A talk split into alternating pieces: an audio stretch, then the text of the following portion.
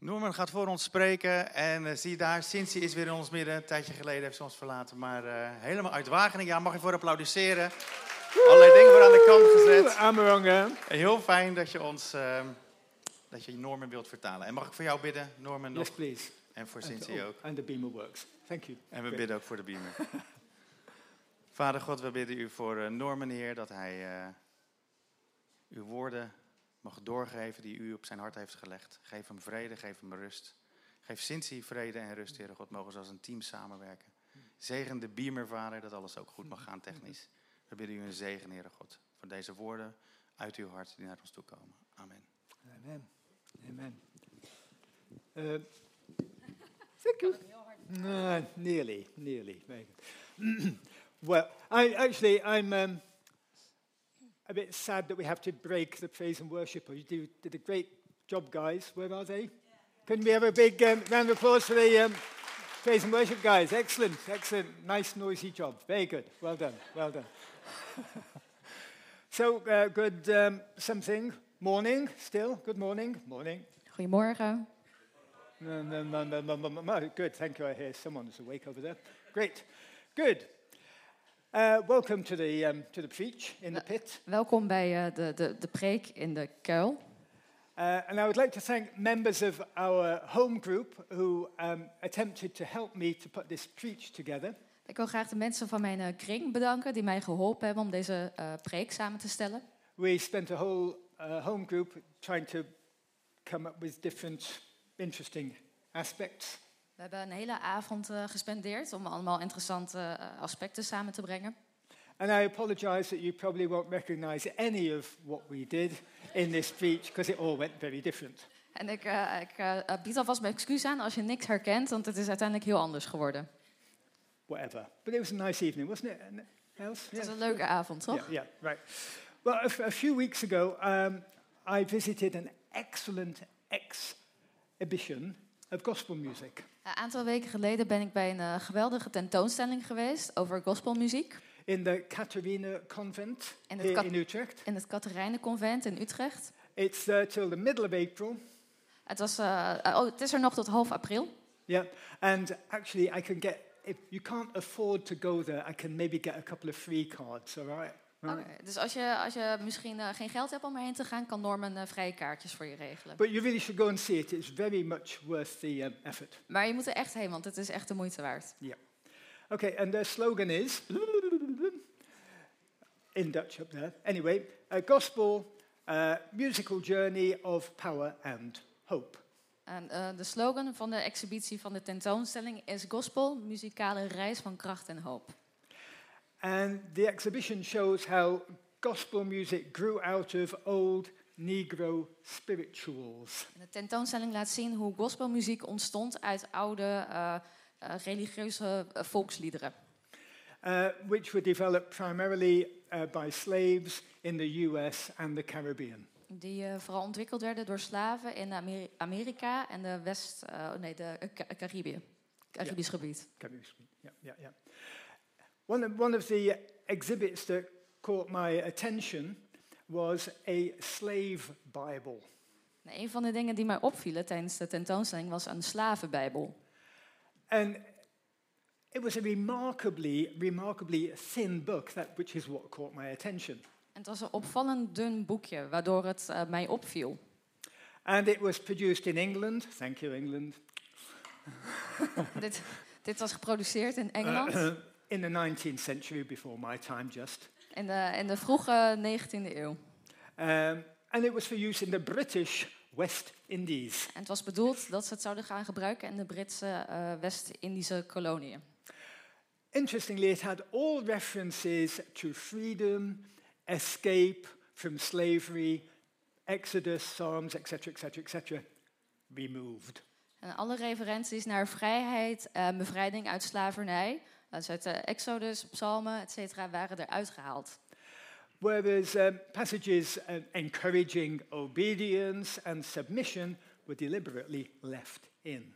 En de stukken waarin uh, onderdanigheid en uh, gehoorzaamheid werden benadrukt, die werden er juist wel ingelaten. And since he tells me that there is a, a, a new um, modified version of a Bible developed for Ja, ja, ja dat is een paar jaar geleden. Misschien explain, kennen jullie hem eh, wel. Dat is, ik weet niet meer hoe die heet. Was het de Rode Letter Bijbel? Of eh, Bijbel, voor, Bijbel voor westerse witte christenen. En eh, daar zijn alle stukken uitgehaald met weet je, omzien naar, naar elkaar. Weet je wel, naaste liefde. Dat is allemaal uitgehaald. Dus dat is een beetje een soort hedendaags equivalent. Dat is ironisch bedoeld hoor. Dat is niet serieus. Oh, Ik wou good. het even gezegd. Voor de mensen ideeën krijgen. Oh. Okay. Let, let me give you some, um, um, um, uh, some futile um, whatever. But anyway, this I got from someone I won't mention. This reference for your husband, I think, actually, wherever he is. Right, anyway, good. Drapetomania. We all heard of this, drapetomania? Dra drapetomania. Yes. Was um, developed, uh, it was actually a mental illness. It was considered to be a mental illness. Eh, werd destijds gezien als een eh, mentale, eh, psychische aandoening. And in 1851, approximately, um, an American physician, Samuel A. Cartwright, probably junior, En 1851 was een Amerikaanse arts, Samuel Cartwright. um, he published this as being a cause, the cause of enslaved Africans fleeing captivity. Die schreef een stuk over dat dit eh, de reden was waarom tot slaafgemaakte eh Afrikanen eh, eigenlijk eh, hoe heet dat? weg probeert te lopen. Yeah. Basically, if they ran away, the slave was considered, considered to be mentally sick. Dus met andere woorden, als een slaaf probeerde weg te rennen, werd dat gezien als een soort mentale aandoening. Right. And he stated that the sickness was a consequence of masters who made themselves too familiar with slaves, treating them as equals. This is what caused the mental sickness. En volgens die arts was deze mentale aandoening het, het gevolg van het feit dat eh, de, eh, de, de meesters, de eigenaren, zich te vertrouwd maakten met de slaven. Dus dat ze de slaven te veel als gelijkwaardig behandelden. And that's what caused the mental sickness. En daardoor kregen ze deze ziekte. Right.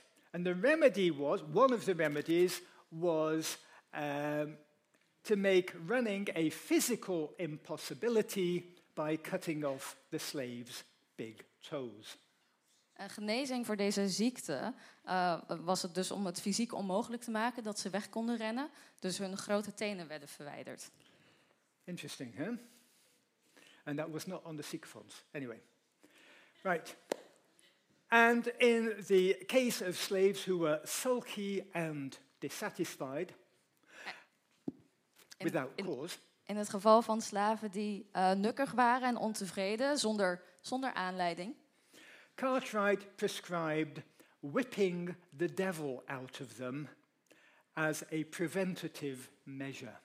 eh, schreef Cartwright voor dat de, de duivel uit hun geslagen moest worden met een zweep.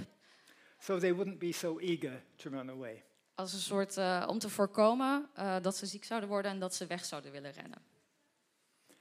And according to Cartwright, the sickness was a consequence of masters who attempted to oppose God's will. En eh, volgens deze Cartwright, deze arts, was deze ziekte het gevolg van meesters die eh, Gods wil. ehm, ja, te- To oppose, to take a. ja, die soort eigenlijk tegen Gods wil ingingen. Yeah.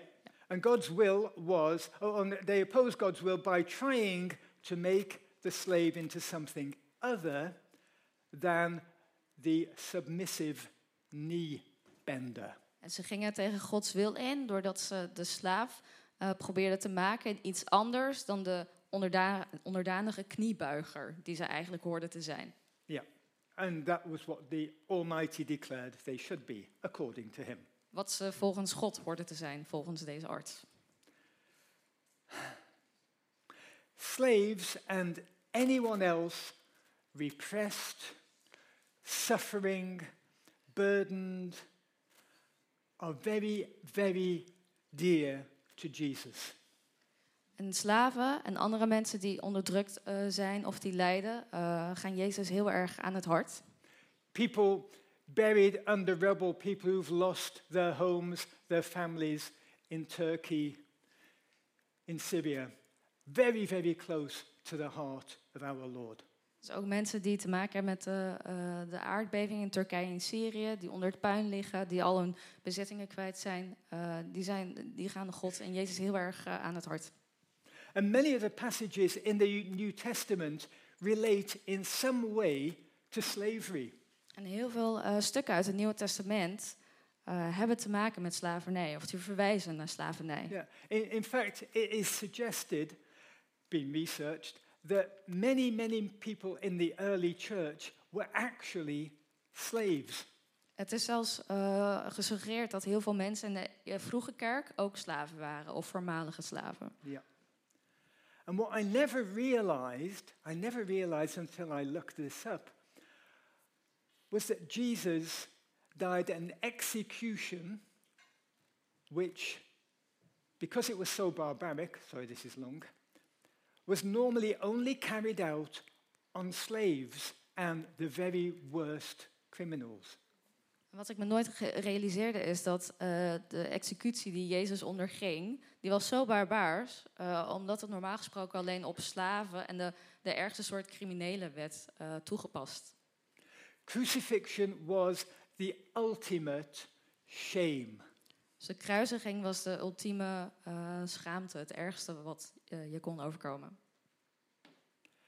Romans 6 verse 17 says, But thanks be to God that though we were slaves to sin, you obeyed, he's talking to the people, you obeyed from the heart that pattern of teaching that was entrusted to you, etc., etc., etc., etc. He said, we were slaves to sin. En Romeinen 6:17 staat: uh, Vroeger was u een slaaf van de zonde. Uh, maar God zij gedankt, toen u hoorde wat over Christus werd verteld, heeft u dat met een dankbaar hart aangenomen. Yeah. It says that basically every believer was once a slave to sin. Hier staat in principe dat iedere gelovige ooit een slaaf van de zonde was. And he's been set free. He, she has been set free by Jesus paying the price for their freedom. En uh, we zijn vrijgemaakt door Jezus, doordat Hij de prijs voor onze vrijheid heeft betaald.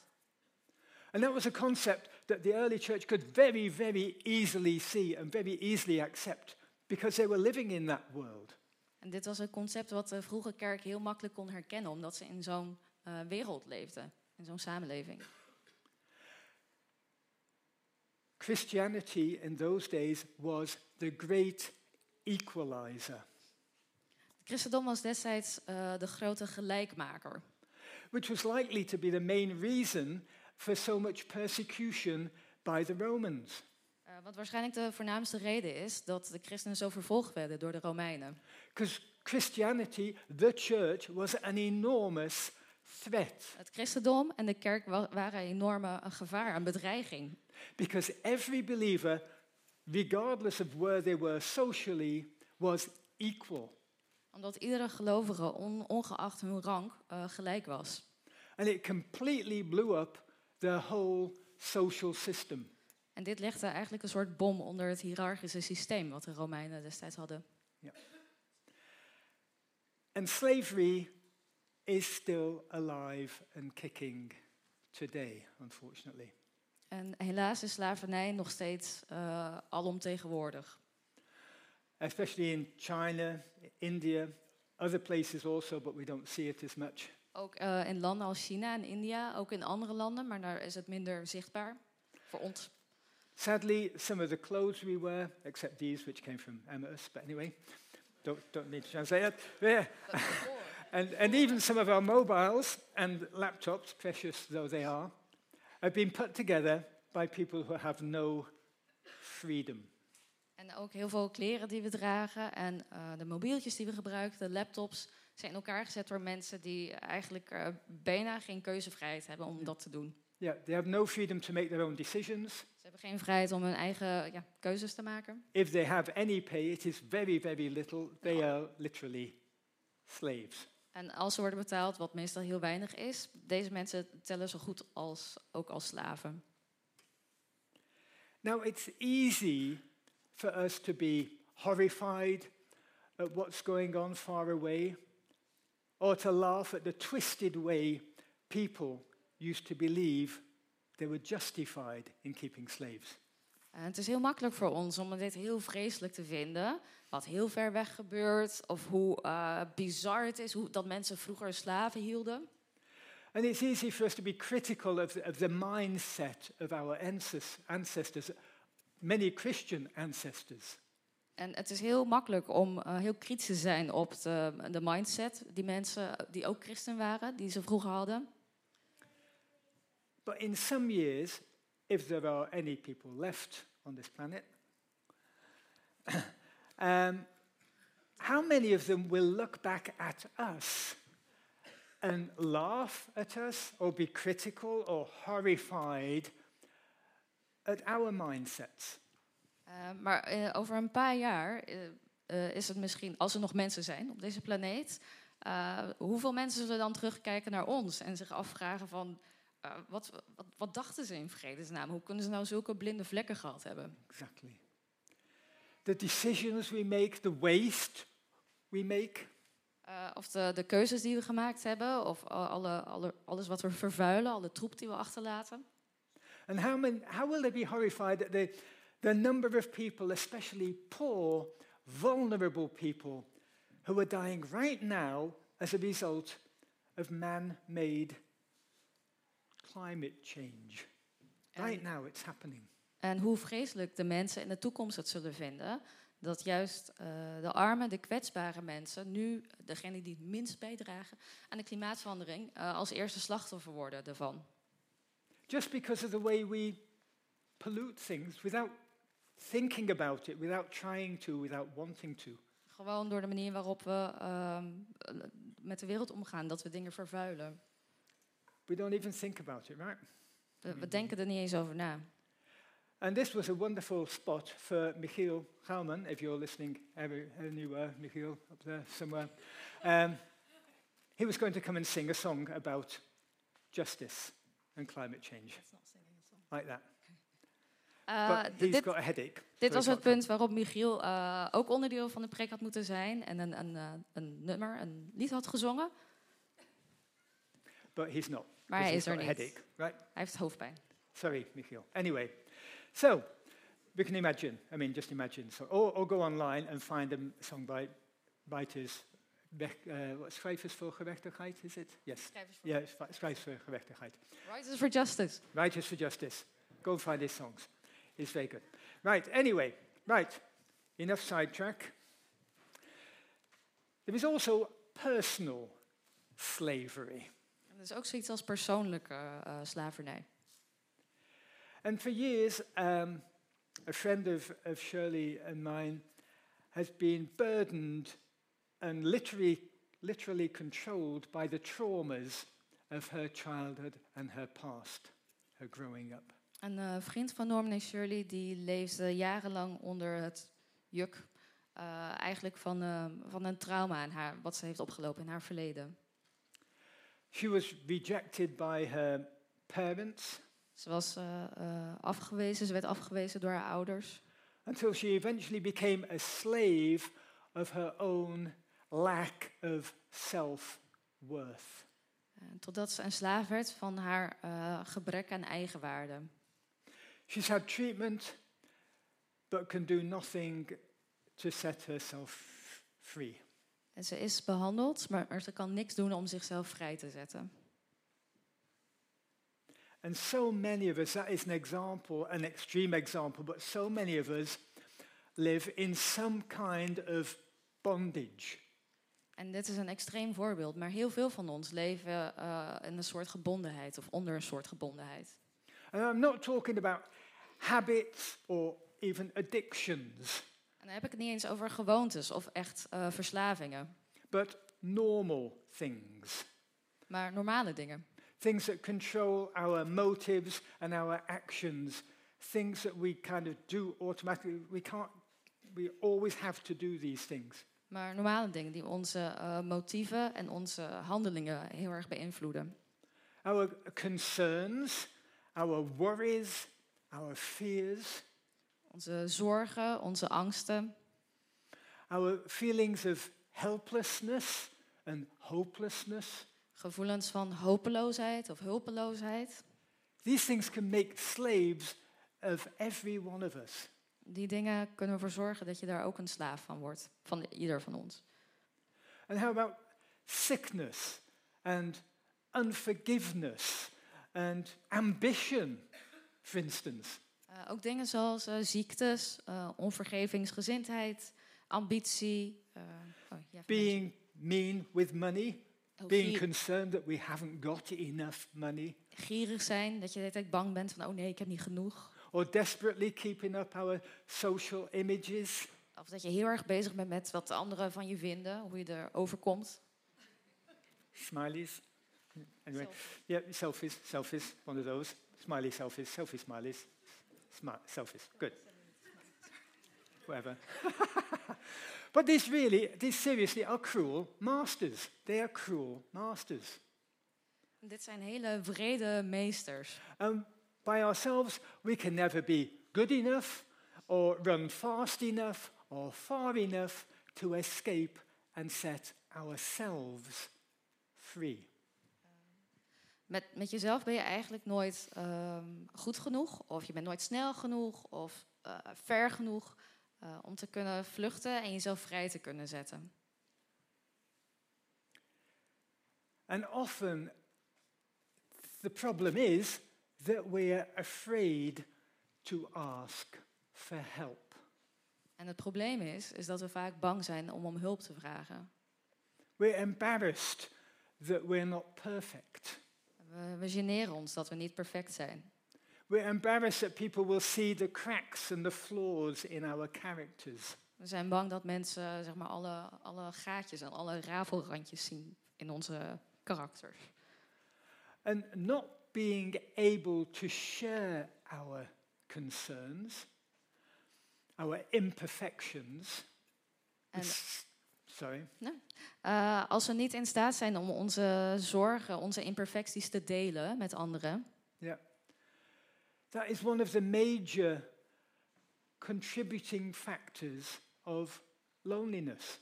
Dat is een van de grootste onderdelen uh, of redenen waarom mensen zich eenzaam voelen. And loneliness is a real serious prison. En eenzaamheid kan uh, echt een gevangenis worden. In society now it is getting worse. Individualism reigns, loneliness is the dark shadow behind it. En um, in onze maatschappij is dat echt een steeds groter probleem aan het worden. Eenzaamheid is. Uh, regeert. Oh ja, eenzaamheid regeert. And the shadow behind it? Loneliness is the shadow oh, okay. behind it. Ja. Yeah. Ja. Eenzaamheid. Ja. She's good, eh? She's good. I mean, what is we brought sorry. apparently, apparently, and I googled this, so it must be true. Uh, apparently, nobody laughed. Wow. they believe this. Apparently, people who are lonely are 30% more likely to die prematurely than those who are not lonely. Dus volgens Google uh, zijn mensen die eenzaam zijn, hebben, lopen 30% meer kans om vroegtijdig te sterven dan mensen die niet eenzaam zijn. Maar of, mensen die eenzaam voelen. No, same. There's a difference between feeling and yeah. being, but maybe it's both. Yeah. I don't know. You should ask them. Yeah. Anyway. And keeping yourself to yourself can actually kill you. Dus als je te veel op jezelf bent, dus als je alles voor jezelf blijft houden, kan dus uiteindelijk dodelijk zijn. And did anybody spot the humorous incident here? Heeft iemand uh, de, de grap gezien in deze slide? It's not funny, but did anybody see it?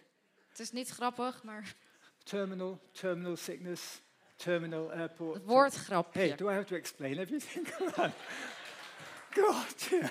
Took me a long time to find that. Anyway, no, good. Sorry, that was very serious. bit. Anyway, okay. And one thing we can do about things that control us. Eén ding wat we wel kunnen doen uh, aan de dingen die ons uh, uh, onder controle houden, die ons in hun macht hebben, is to share our burdens and our fears with our friends. Thank you. Someone's reading there. eh, is om ons, dingen die, ons, eh, die op ons drukken en onze angsten te delen met vrienden. Not, not to keep our concerns, our frustrations, our self of hopelessness and helplessness to ourselves. Dus niet om al onze zorgen, onze frustraties, eh, onze hopeloosheid, het gevoel dat je waardeloos bent, om dat alleen maar bij jezelf te houden. So get a friend or friends. Dus eh, zoek een vriend op, of beter nog, een aantal vrienden. Yeah. Maybe a home group. Home group's good. Misschien een kring, Yep, or uh, what they call them, triads or dryads or something, something to do with Lord of the Rings, I think. Anyway, anyway. of een triade, of een d- druïde. Is it- is triada? They sound sounds kind of like elves. Anyway, good. Um, and don't be afraid to ask for prayer for anything. Eh, en wees niet bang om om gebed te vragen, voor wat dan ook. Do not try to get through alone. Probeer hier niet op eigen houtje doorheen te komen. Some of, some of us find it really normal after church, in the home group, here in the circly thing, the pit, to ask for prayer. Dus voor sommigen van ons is het eh, volstrekt normaal om hier naar beneden te komen en om een gebed te vragen. For others of us, it's maybe a bit confrontational, especially coming down here where everybody can see you. Voor sommigen is het misschien wat eh, confronterend, vooral als je helemaal hier moet komen en iedereen eh, ziet je staan. But you see, Jesus died not just to set us free from the slavery of sin, Maar Jezus die is eh, gestorven, niet alleen om ons vrij te zetten van eh, eh, de slavernij van de zonde, but to set us free from any, from all things that enslave us, that hold us down. maar van alle dingen waar we slaaf van kunnen zijn, waar, waar we door onderdrukt worden. He's paid for it. Hij heeft, hij heeft ervoor betaald. And when he rose, he conquered death, he conquered hell, and every single negative thing that attempts to chain us to the ground.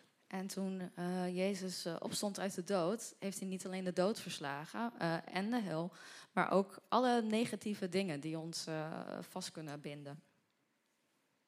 So, may I suggest that after the preach, Dus als ik een voorstel mag doen, na de prik, when we're closing down, that you reach out to someone near to you eh, maak even contact met iemand die bij je in de buurt zit and ask them for prayer, en eh, vraag hun eh, om gebed. for anything. Voor wat dan ook. And nobody will point at you and say, oh dear, that person's got a problem. Niemand zal, naar, niemand zal naar je wijzen en zeggen wat, wat Norman net zei. Oh, she's good. Yes. Okay, so just, just say, hey, excuse me, can you pray for me, please? Blah, blah, blah, blah.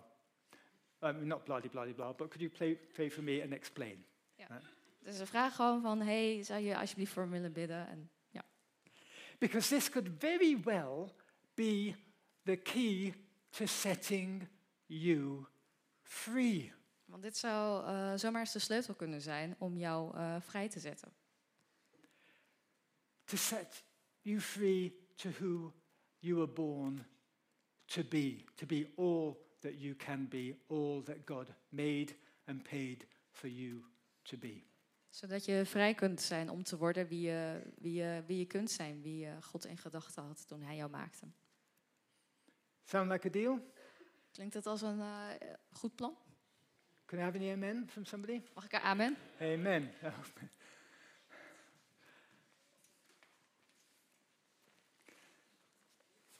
there you go. hand out. Dankjewel, dankjewel Norman voor je mooie preek. Laten we dat doen met elkaar. Laten we elkaar opzoeken, eh, naar elkaar uitreiken, voor elkaar bidden, elkaar zegenen. Eh, misschien kan de band terugkomen om eh, een beetje te tokkelen. Dat is vaak fijn. Ehm, dus zoek elkaar op. Eh, ik heb straks nog drie korte mededelingen, dus ga nog niet weg. Maar we nemen even de tijd om gewoon voor je buurman te bidden. Als je iemand aan de overkant van de zaal ziet zitten en je denkt, die heeft gebed nodig, loop daar dan naartoe. Maar laten we even de tijd nemen, echt, om voor elkaar te bidden en bij elkaar stil te staan. En eh, die dingen te breken waar we op een of andere manier van in slavernij zijn gekomen.